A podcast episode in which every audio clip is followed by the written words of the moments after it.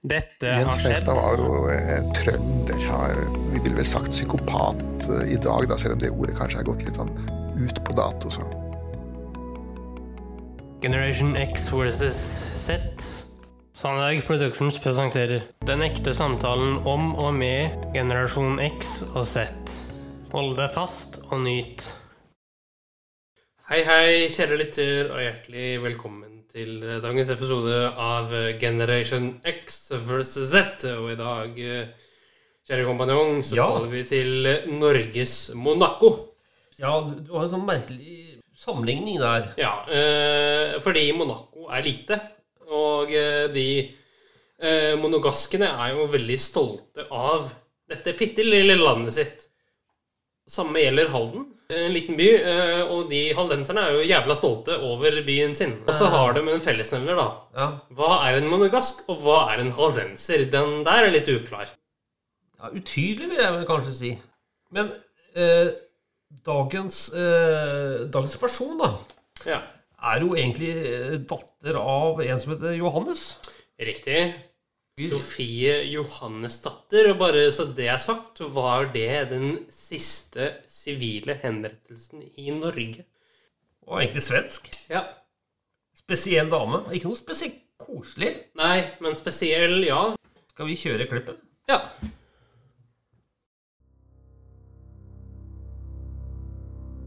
Klokka halv ti om morgenen 18. februar 1876 er eh, ca. 3000 mennesker strømmet til eh, Porsnesløkken, som ligger med utsikt over Tistedalselven utenfor Halden. Denne vintermorgenen, altså, for å se en henrettelse. Det er Sofie Johannesdatter. Slutten av 30-åra eh, blir ført fram til skafottet, hvor Theodor Larsen står for å svinge øksa. Hva hadde Sofie gjort?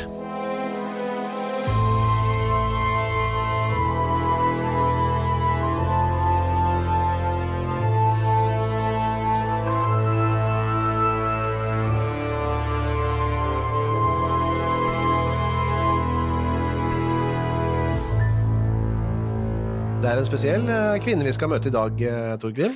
Eh, Gudskjelov er det ikke så mange av dem. Rødhåret, kunne du fortelle meg? Ja, eh, det ble kommentert på det. Som no, Skulle det forklare noe, var det sånn? Nei, det var mer for å karakterisere henne, tror jeg. Ja, riktig. Eh, Det er vel ennå ingen som har klart å påvise noen sammenheng mellom hårfarge og kriminalitet. Ikke? Ikke foreløpig, i hvert fall. Hun er født i 1839, Sofie Johannesdatter. Eh, altså, hun er svensk. Ja, fra Ertmark i Dalsland. Ja, hvor, hvor er det? Ja, det er rett over grensa, det er ikke så langt unna, Dalsland. Eh, Og der bodde hun eh, i, i sin oppvekst da, og fikk sin bitte lille skolegang og ble konfirmert, da. Ja, gjorde det sånn passe der. Han, eh, pastoren hennes, altså læreren på konfirmasjonen, sa at hun gjorde ganske dårlig lesning og kristendomskunnskap. Ja da, hun var ikke noe intellektuelt lys. Nei, men hun ble ansett som en eh, flink og brav pike, sto det i kirkeboka. Ja, men det skulle ikke så mye til. Eh, Nei. Det var det som var komplimenten man kunne gi bondegutter og jenter den gangen, var at de var stille. Ja vel. At de ikke sa noen ting, og at de ikke sloss. Ja.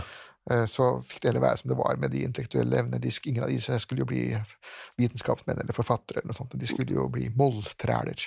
Eh, rett eh, sør for der hun bodde, så var, ligger Årgjeng, altså et sted hvor en prest var litt ute, og, altså ute på ville veier. Han myrdet veldig mange av sine gamle undersåtter. Ja, dette var jo, dette var jo under Sofies oppvekst, da, så Ja.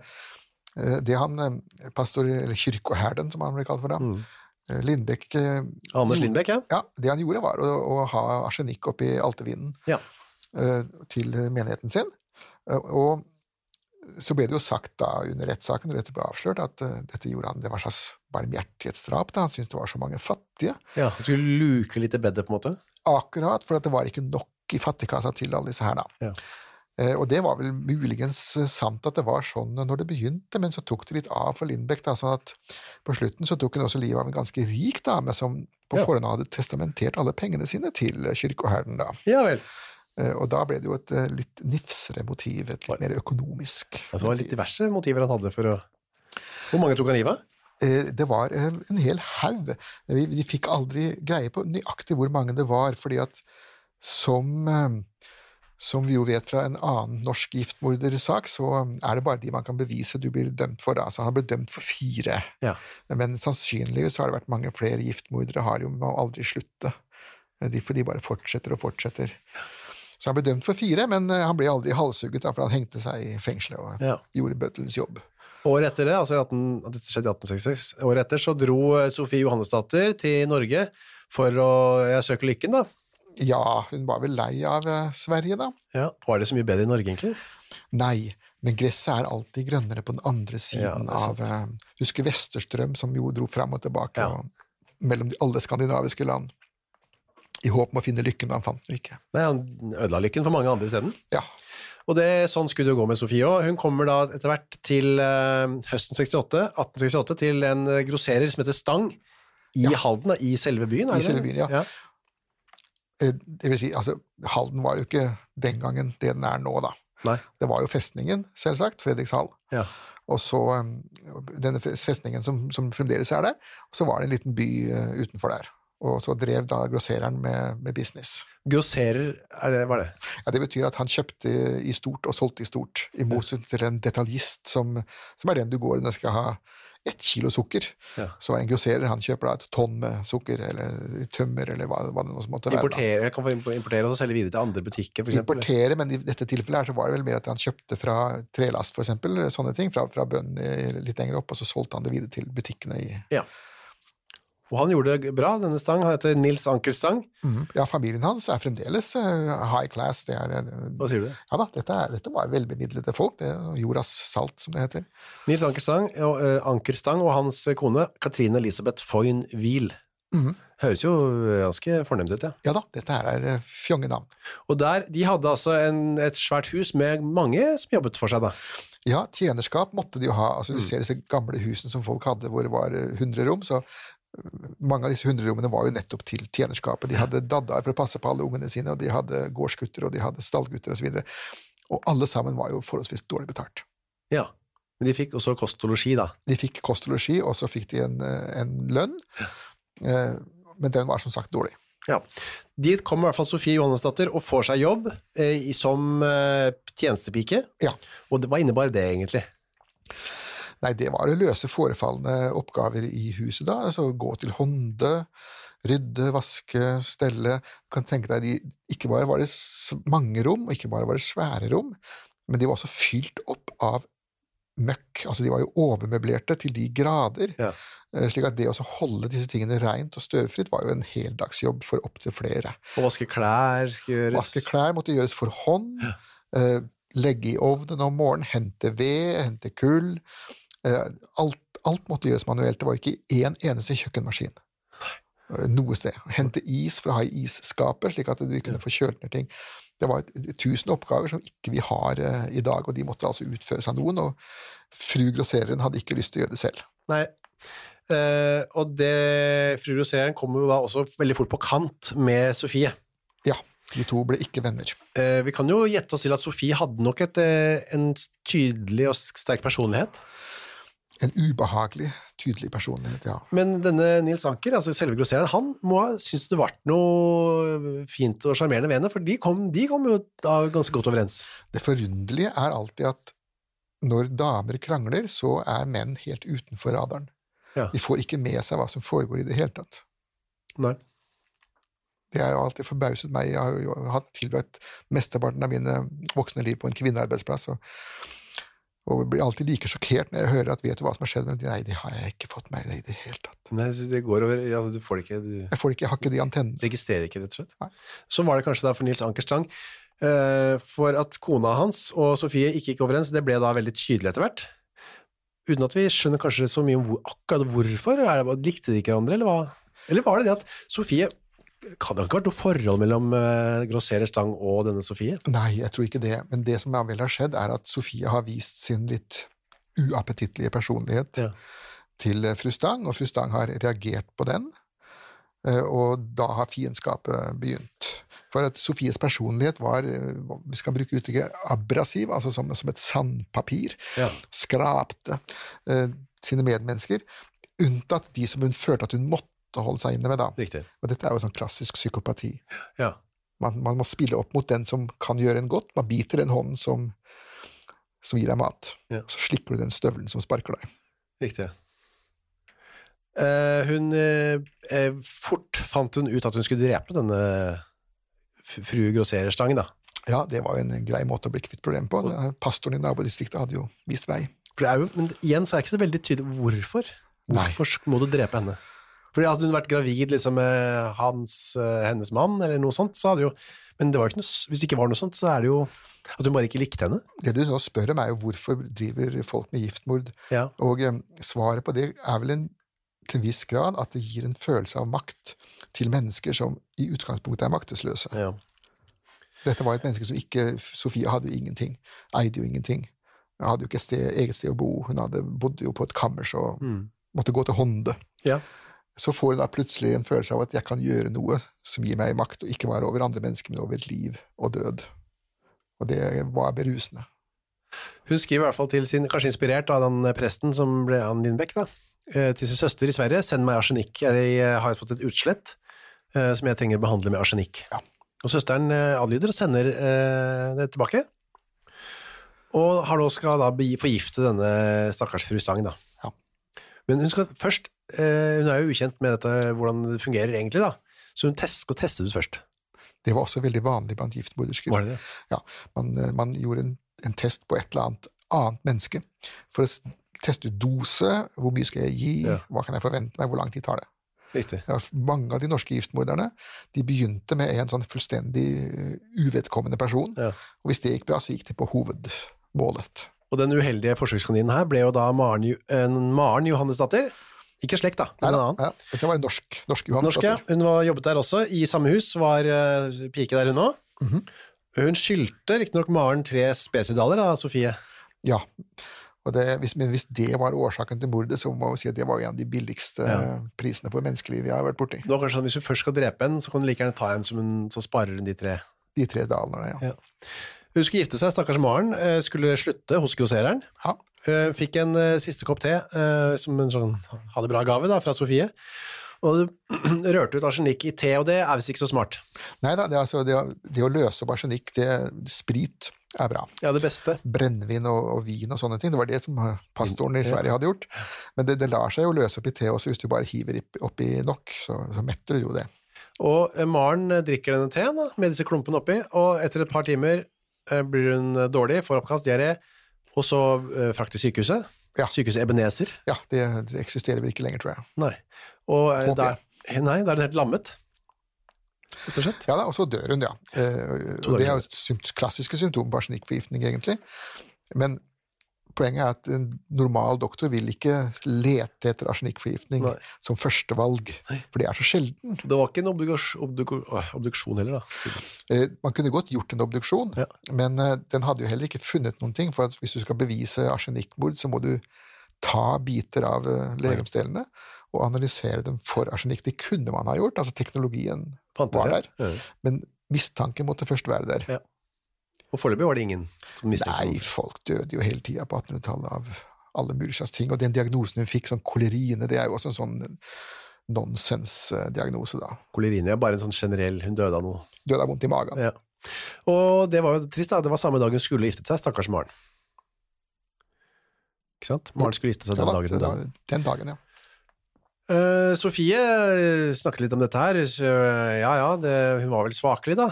Og drikkfeldig og gravid, sa Ja Sofie. Det var ikke grenser for eh, ryktene kunne gå nå. da. Når, Ja. som offeret var død, så kunne Sofie si akkurat hva hun ville, Ja. og gjorde det også. Hun sa også at Maren hadde gått rundt med arsenikk i lommen og spist litt av det som drops. Ja, altså, Dette er igjen et eksempel på en, en morderske, eller en morder som, som prater seg inn i en mistanke. og Hun hadde jo bare kunnet holde munn. Ja. Men det er helt umulig, ser det ut for. Hun må plapre.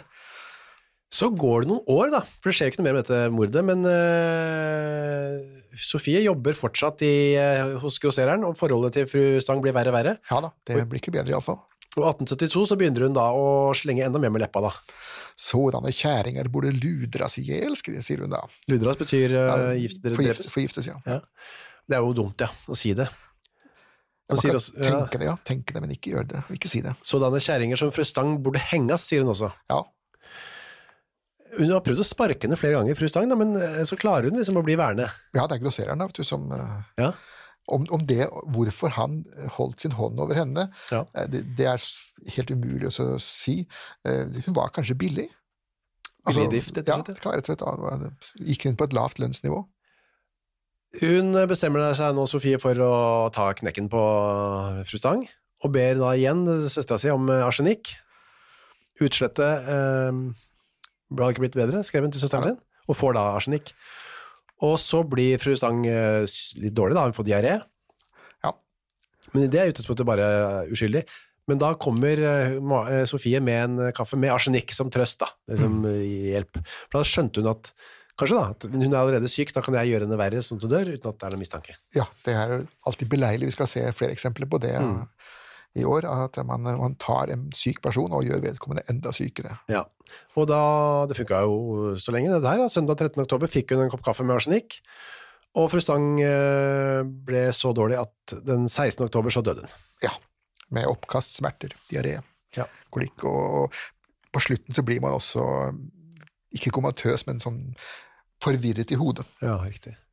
Tre år etter at Maren hadde dødd av samme, for samme hånd, da. Ja, og på samme måte. Ja. To år går, rolige år, har du skrevet her i boka di, ondskap. Men så eh, begynner det, så skjærer det seg med han som det ikke skal skjære seg med. Ja. Nå eh, har hun dummet seg ut. For hun har stjålet, og det har hun gjort lenge. Ja da, hun var jo kleptoman. Mm. For, vi bruker ikke kleptoman fordi at en tyv stjeler fordi han eller hun trenger penger. Eh, Sofie stjal fordi hun syntes det var gøy. Ja. Det ga henne en viss opphisselse. Altså, det er jo ikke noe annet motiv, for det hun stjal, var jo bare tull. Hun stjal en brosje. Ja, eh, Smykker, småpenger. og ble anklaget for det, da, eh, fra fru Stang, eller iallfall fra huset. Ja. Og da blir jo han veldig skuffet, da, han eh, grosserer Stang. Ja, ja. ja. Har du vært en tyv hos meg i alle disse år? Vel, vel, du får sparken. Akkurat. Og så kommer da i tillegg et lite tilleggsmoment nå, Mm. og det er at Sofie skal gifte seg. Hun har møtt på en eller annen type, da. Ja, en eller annen stakkars forvirret sjel har hun klart å fange, og de har forlovet seg. Og han, mannen er riktignok fra Horten, da. Ja, Trekker den ned. Det, det sier jo litt, Ja. uten at jeg skal si mer om det. Men i alle fall så um, skal de gifte seg til våren, og da kommer da denne datteren i huset, Kristine, ja. og sier da til um, Sofie at hun skal få et tilbud hun ikke kan avslå. Hvis du blir i huset og steller for min gamle far til han dør, så skal du få en bonus. Ja. Altså pe pengebonus. Og det var jo en fristelse over måte, da. ja. Og hvordan skal jeg klare det, for jeg kan ikke slutte nå med å ha fått det gode tilbudet. Vent litt, tenker hun. Var ikke det hun sa 'til han dør'? Ja. Så da er det jo veien kort til å bestille seg enda mer arsenikk. Ja, men har den søsteren har jo nå skrudd igjen krana, da. Ja, og hun får det fra en annen venninne da, hjemmefra. Ja, fra ertemarken. Ja. Og da var det en tallerken med byggesuppe denne gangen, da. Ja, det gjelder å variere. Ja. Og det var 9. desember, og grossereren spiser denne grøten, og så blir den veldig dårlig. Samme symptomene som kona og Maren eh, flere år tidligere. Blir litt bedre igjen, men så dør han 10. desember. Ja. 70 år gammel. Blir begravet ved siden av kona si, og du skriver Sofie samme jul, da, bare noen 14 dager senere, så tar hun med seg sin utkårede fra Horten og viser ham da, disse Gravene. gravene. Ja, litt romantisk tur på kirkegården. Ja. Tror du hun fortalte han altså det er jeg som er drept? Eh, hvis hun hadde gjort det, så hadde vel han rømt. Ja. Eh, det å gifte seg med en giftmorderske, eh, da bør du ha høy livsforsikring. Høy premie. Men eh, nei da, den forlovelsen blir værende. Eh, Nå, men nå gir Harald Stang, som er sønnen til grossereren, eh, og har arvet huset, eh, Sofie sparken. Hun må bare gå oppsigelsestiden ut, og det var jo synd at hun skulle gjøre det. For henne, ja, men samtidig så Det var jo det hun egentlig ville, da. Hun skulle Ja, gifte er seg og greier. sånn at det, dette kan jo ikke ha vært noen stor katastrofe Nei. eh, for henne. Fikk hun den bonusen noen gang, tror du? Eh, nei, hun fikk ikke den. Gjorde ikke Eh, I den oppsigelsestiden har det flytta inn en sånn 16-åring som heter Mathilde inn i huset. Og det som er så veldig irriterende for Sofie, er at hun blir syk, denne Mathilde, og at Sofie må passe på henne og være våken om natta som for henne. Ja, det var ikke hennes greie. Nei, eh, så hun gir henne 18. januar et glass saft og vann eh, med arsenikk. Hvis du legger merke til det nå, så sitter arsenikken løsere og løsere. Ja. Går fortere og fortere mellom hver gang. Ja, og det, det, er, det også kjennetegner også alle de andre giftmorderne vi skal ha opp i løpet av året. Det er et økning i tempoet. Og hun, eh, stakkars Mathilde, blir får diaré, oppkast, alt dette her. Eh, Men hun dør ikke, da. Nei. Hun eh, døde ikke, og det er da sånn at hun ble jo ganske syk. Mm. Hun fikk veldig mange symptomer som er, som er arsenikkforgiftning, men hun døde ikke. Og hvorfor hun ikke gjorde det, kan man spørre. Hun var jo ung og Ja. hadde gode krefter. De to andre som drepte, var jo gamle folk. Ja. I tillegg så er arsenikkforgiftning noe man faktisk kan venne seg til. Man kan opparbeide en viss toleranse Mm. ved å være utsatt for det før, og det kan være at, eh, at det var den feilen Sofie gjorde da. Ja. For da tenker hun ok, jeg får prøve en annen metode, og så går hun opp på loftet en eh, natt, 10. februar, og tenner på hele huset. Ja. Det var jo virkelig prikken over i-en, det. Ja. Ja. Og, og det var jo ikke et lite hus heller. Nei, og det brant ned. Ja da, hun klarte også å svi av hele greia. Det, heldigvis da, så klarte alle å komme seg ut, også Mathilde. Ja, eller hun ble jo båret ut, hun var jo Ja. lam av arsenikkforgiftning. Men hun overlevde i hvert fall. Ja da. Og så eh, hadde hun da klart på forhånd, da, vet Sofie, å legge alt eh, tyvegodset sitt, mest i hvert fall, i en kommode som er gjemt et annet sted. Mhm. Så hun brant ikke opp sitt eget tyvegods. Nei da, noe av det hadde hun sendt til Sverige, og noe av det hadde hun som sagt berget unna før brannen. da. Men så, eh, denne politimester Wessel, som fikk eh, oppgaven om å finne ut hva som hadde skjedd der, han eh, fikk fort høre at noen hadde sett Sofie på oppeloftet der, med et brennende lys i hånden. Ja. Og var der brannen startet. Ja.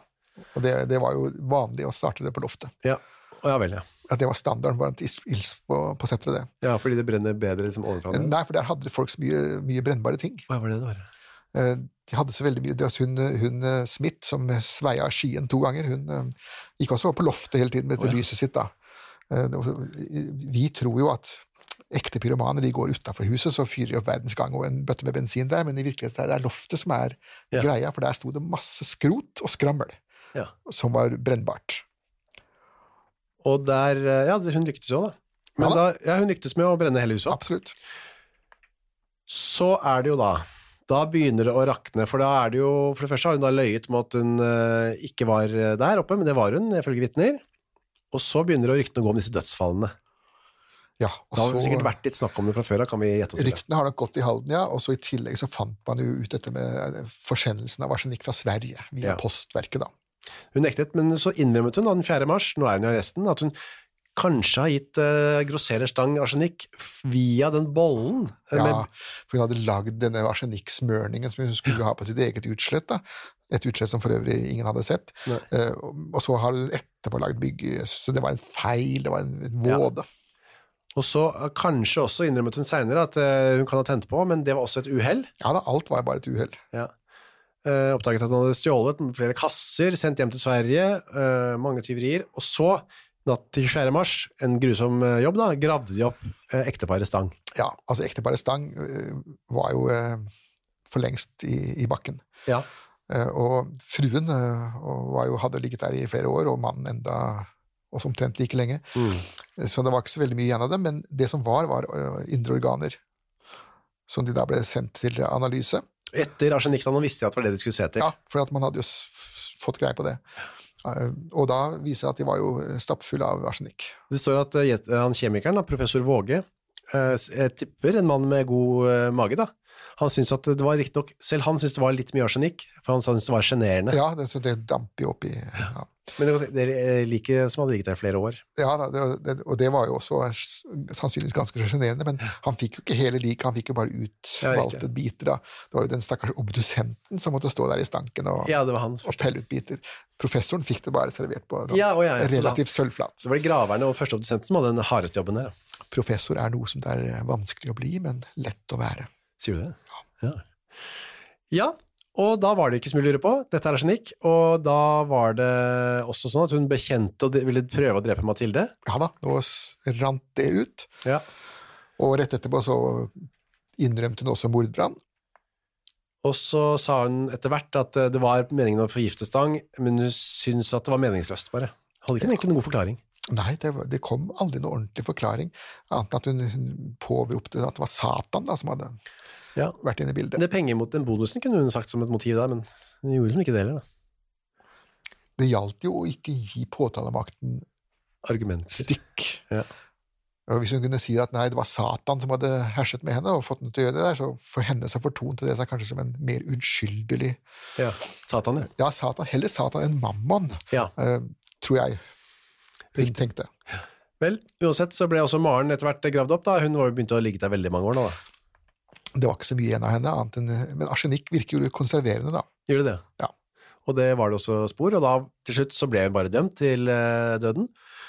19. juli 1875, og det ble bekreftet av enstemmig høyesterett 6. november 1875. Eh, og da var det kong Oskar 2. som skulle da til siste ord her, da. Ja da. Og det siste ordet hans var jo ja. Jeg godkjenner at hun Ja. skal drepes. ja. Kong Oskar 2. han snakket jo flytende norsk. Ja. Eh, Første felleskongen vi hadde som gjorde det. Ja vel. Er litt sånn ironisk, for at han var jo også da den siste. Ja. Riktig. Så hans, eh, det at han lærte seg norsk, var jo, viste seg å være bortkasta. Han etter, hans etterfølger, altså kong Haakon, kunne ikke så godt norsk. Nei, han prøvde så godt han kunne, han òg. Ja. I mellomtiden hadde Sofie tilstått enda et mord. Et mordforsøk, i hvert fall. Ja, på sin overordnede, husholdersken, Ja, I huset, ja. i huset, ja. Frøken Mamen. ja. Mm. Men hun, hvorfor gjorde hun det? Vil hun bare lette sitt hjerte her, da, eller?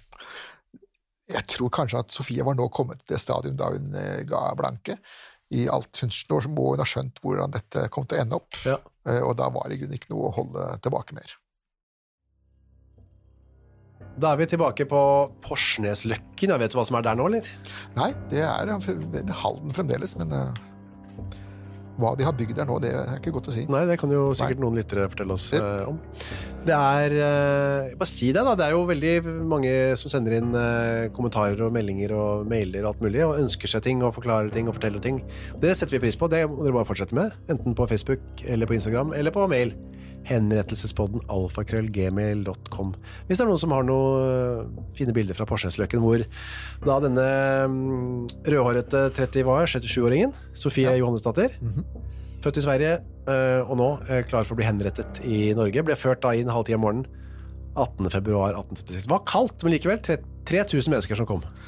Ja da, og det var fra hele Østfold, det. det er jo, Ja, og svenske bygder, står det. ja da, det, dette var jo en, en begivenhet av de helt store, det. Skal vi reise til Norge i dag og se på hvor mm, Sofie ble halshugget? Ja, det var ikke så mye underholdning de hadde.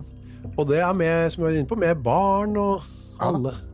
Damene holdt barna opp for at de skulle se bedre, og guttunger satt oppi trær, og Ja, du skrev forrige, altså Svartbekken, da var det i hvert fall i kapittelet skrev du at eh, det går også sånne historier om at eh, barn som sitter oppi trærne, detter ned som sånne ja, av skrekk, ja. moden frukt når ja. havet- eh, hugget faller. I, I London så hengte de jo folk på Tyburn, og der var det jo, det var jo midt i byen. Og da leide de som hadde hus med vinduer mot galgen. De Ja. kunne da leie ut rommene sine for en times tid eller to for en vanvittig pris. Og de ble leid ut. Folk var jo elleville etter å se. Ja, det var en, en underholdning av de helt store. Det var ikke bygd opp noen tribune, det var ikke så fancy. Man sto liksom på flatmark, altså. De sto på flat mark, ja. Eller hvis det, som sagt, hvis det var i byen, så kunne du da Ja. komme deg opp i et hus. Vi skal jo til Galgeberg her eh, om ikke så lenge. ja. Eh, vel, vel. Det skjedde ikke så mye spektakulært. Sofie ble ført fram, denne rødhårede damen. Hun var ganske rolig, står det. ja da, hun hadde jo Det påstås det, da. Eh, diktet en vise, men hun satt inne. Ja. Det- var en sånn såkalt skillingsvise. Det var jo helt sikkert ikke hun som hadde gjort det. Eh, Men det som var vanlig, var at man lagde sånne viser, og så påsto man at det var den dømte som hadde diktet dem, da. For denne, denne sangen som man har her, den er jo skrevet på, på ganske så perfekt Ja. dansk, det? ikke på svensk. Nei, det peker jo mot at det ikke var henne, kanskje. Ja, så, så dyktig var du nok ikke i det språket der. Hun tok seg en slurk med vin, erklærte seg skyldig. På spørsmål, da, får man Ja, tro. ja. Og så leste hun opp alle ti versene av en svensk salme som heter Kielland. Da fikk hun jo noen minutter ekstra. Ja, for var det, var det det var? Skulle være godt for. Ja, altså, det, det var jo forutsatt at den dømte skulle si noen ord. Ja. Det var jo blitt vanlig den, Det var kutyme, det, på en måte. Ja, på 1800-tallet så ble det mer og mer det at man skulle holde en, en tale og få si at her står jeg, elendige menneske, og jeg fortjener det jeg får, og nå Ja. dauer jeg, videre. Eh, Hun valgte da ikke å gjøre det, men å lese opp en, en salme istedenfor. Ja. Det var kanskje vel så bra. Og så tok hun av seg kåpen, skjerfet. Det var kaldt, altså det var bra den ikke skulle fryse så lenge. Ja, Åpnet kjolen i halsen. Eh, Hun ville ikke ha bind for øynene, men det var, eh, det var et tilbud du ville ha bind for øynene. ja da. Men hun fikk det likevel. Ja da. Det, det var ikke så veldig eh, mye forhandlingsvilje vilje der. Dette med kulde, kulde og man skal kle av seg før henrettelsen, det når, når kong Carl den første av England skulle halshugges, hadde han tatt på seg doble skjorter. Oh, ja. Fordi at han sa at det var så kaldt, så han kom til å fryse.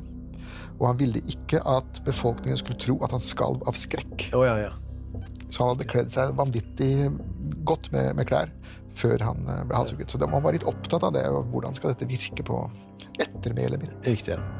Og hennes siste ord, om hun sa det da med hodet på blokka, hva tror du? Hun sa det vel før hun la ned. Nå går Ja. jeg hjem til Jesus. fordi at når hun da legger seg ned, så begynner jo pastor eh, å lese Fader våre, da. Nå går jeg hjem til Jesus, jeg. Ja. Mm, Så begynner han Friis, man het, eh, pastoren, eller ja. Nei, Friis. Jo, pastor fris, Friis, ja. Ja, ok. Og lese Fader vår. Og da kommer Larsen, Theodor Larsen, som vi har vært inne på før, eh, som har reist fra Kristiania, og hugger en gang ja. ved 'forlat oss vår skyld'. Omtrent midtveis i, i bønnen, ja. Smekk. Det var den historien. ja. Det var det nest siste som ble henrettet i Norge. Sofie Johannesdatter fra Sverige. Ja, og det liket ble bare gravd ned, vet du det? Ja, det ble gravd ned på kirkegården. Man, man gjorde det da. Gjorde det, ja. Ja, Man hadde sluttet med å begrave dem på, i villmarka. Så det ligger ikke et eller annet sted på en løkka? da. Nei, nei, nei, altså, dette var 1700-tallet. Da begravde man folk gjerne i myrer, og Ja. i skjermen på 1800-tallet var man litt mer sivilisert. Så. Det var i hvert fall den historien for denne uken, og vi er jo tilbake da med en ny Stakkars sjel. Kanskje opptil flere eh, om en uke.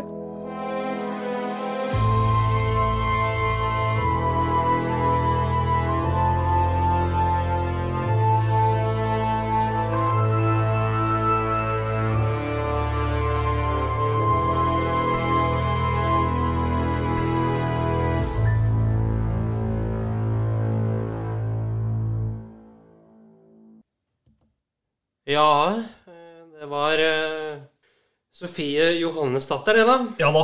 Eh, jeg kom å tenke på, Henrik, mens jeg hørte på her nå Hun døde da 18. februar 1876. Faren din, som sitter ved din side, Ja. ble født 18. februar 1965. Altså, det skyldes da 89 år. Før pappaen din ble født, Ja. ble hun halshugd. Ja eh, og det er jo ikke så altfor lenge sett i det store bildet. Ikke det, vet du. Nei da. Er det noe å være stolt over? Nei, øh, overhodet ikke. Men øh, bare kom på det. Men øh, vi la oss hoppe over på noe annet, Henrik, for neste uke er det Monaco. Ja, vi skal snakke om Monaco Grand Prix, fordi Monaco er et av tre klassiske motorsportløp som alle vet om. Men det blir ikke bare race, Henrik. Det blir også noe eh, ja, Kall det artigheter eller ting som, som har noe med Monaco å gjøre. Ja da, vi skal eh, komme litt utenfor Monaco, eh, men inn i Formel 1-bobla eh, skal vi tross alt. Eh, og, og vi kan bare håpe da at noen av våre lyttere blir engasjert og vil faktisk se etter Monaco Grand Prix. Det ligger faktisk en serie på Netflix som heter eh, Drive to Survive. Eh, Kan man lett bli gira av å se. ja, eh, og serien skildrer da disse førerne og teamene og Ja, det er mye på en gang. Jeg gleder meg, Henrik, så jeg bare sier på gjensyn. På gjensyn. Tusen takk for at du fulgte oss. Gi gjerne tilbakemelding, likes eller kommentar på Facebook-siden vår Generation X versus Z. Velkommen igjen til neste podkastepisode. Hei då!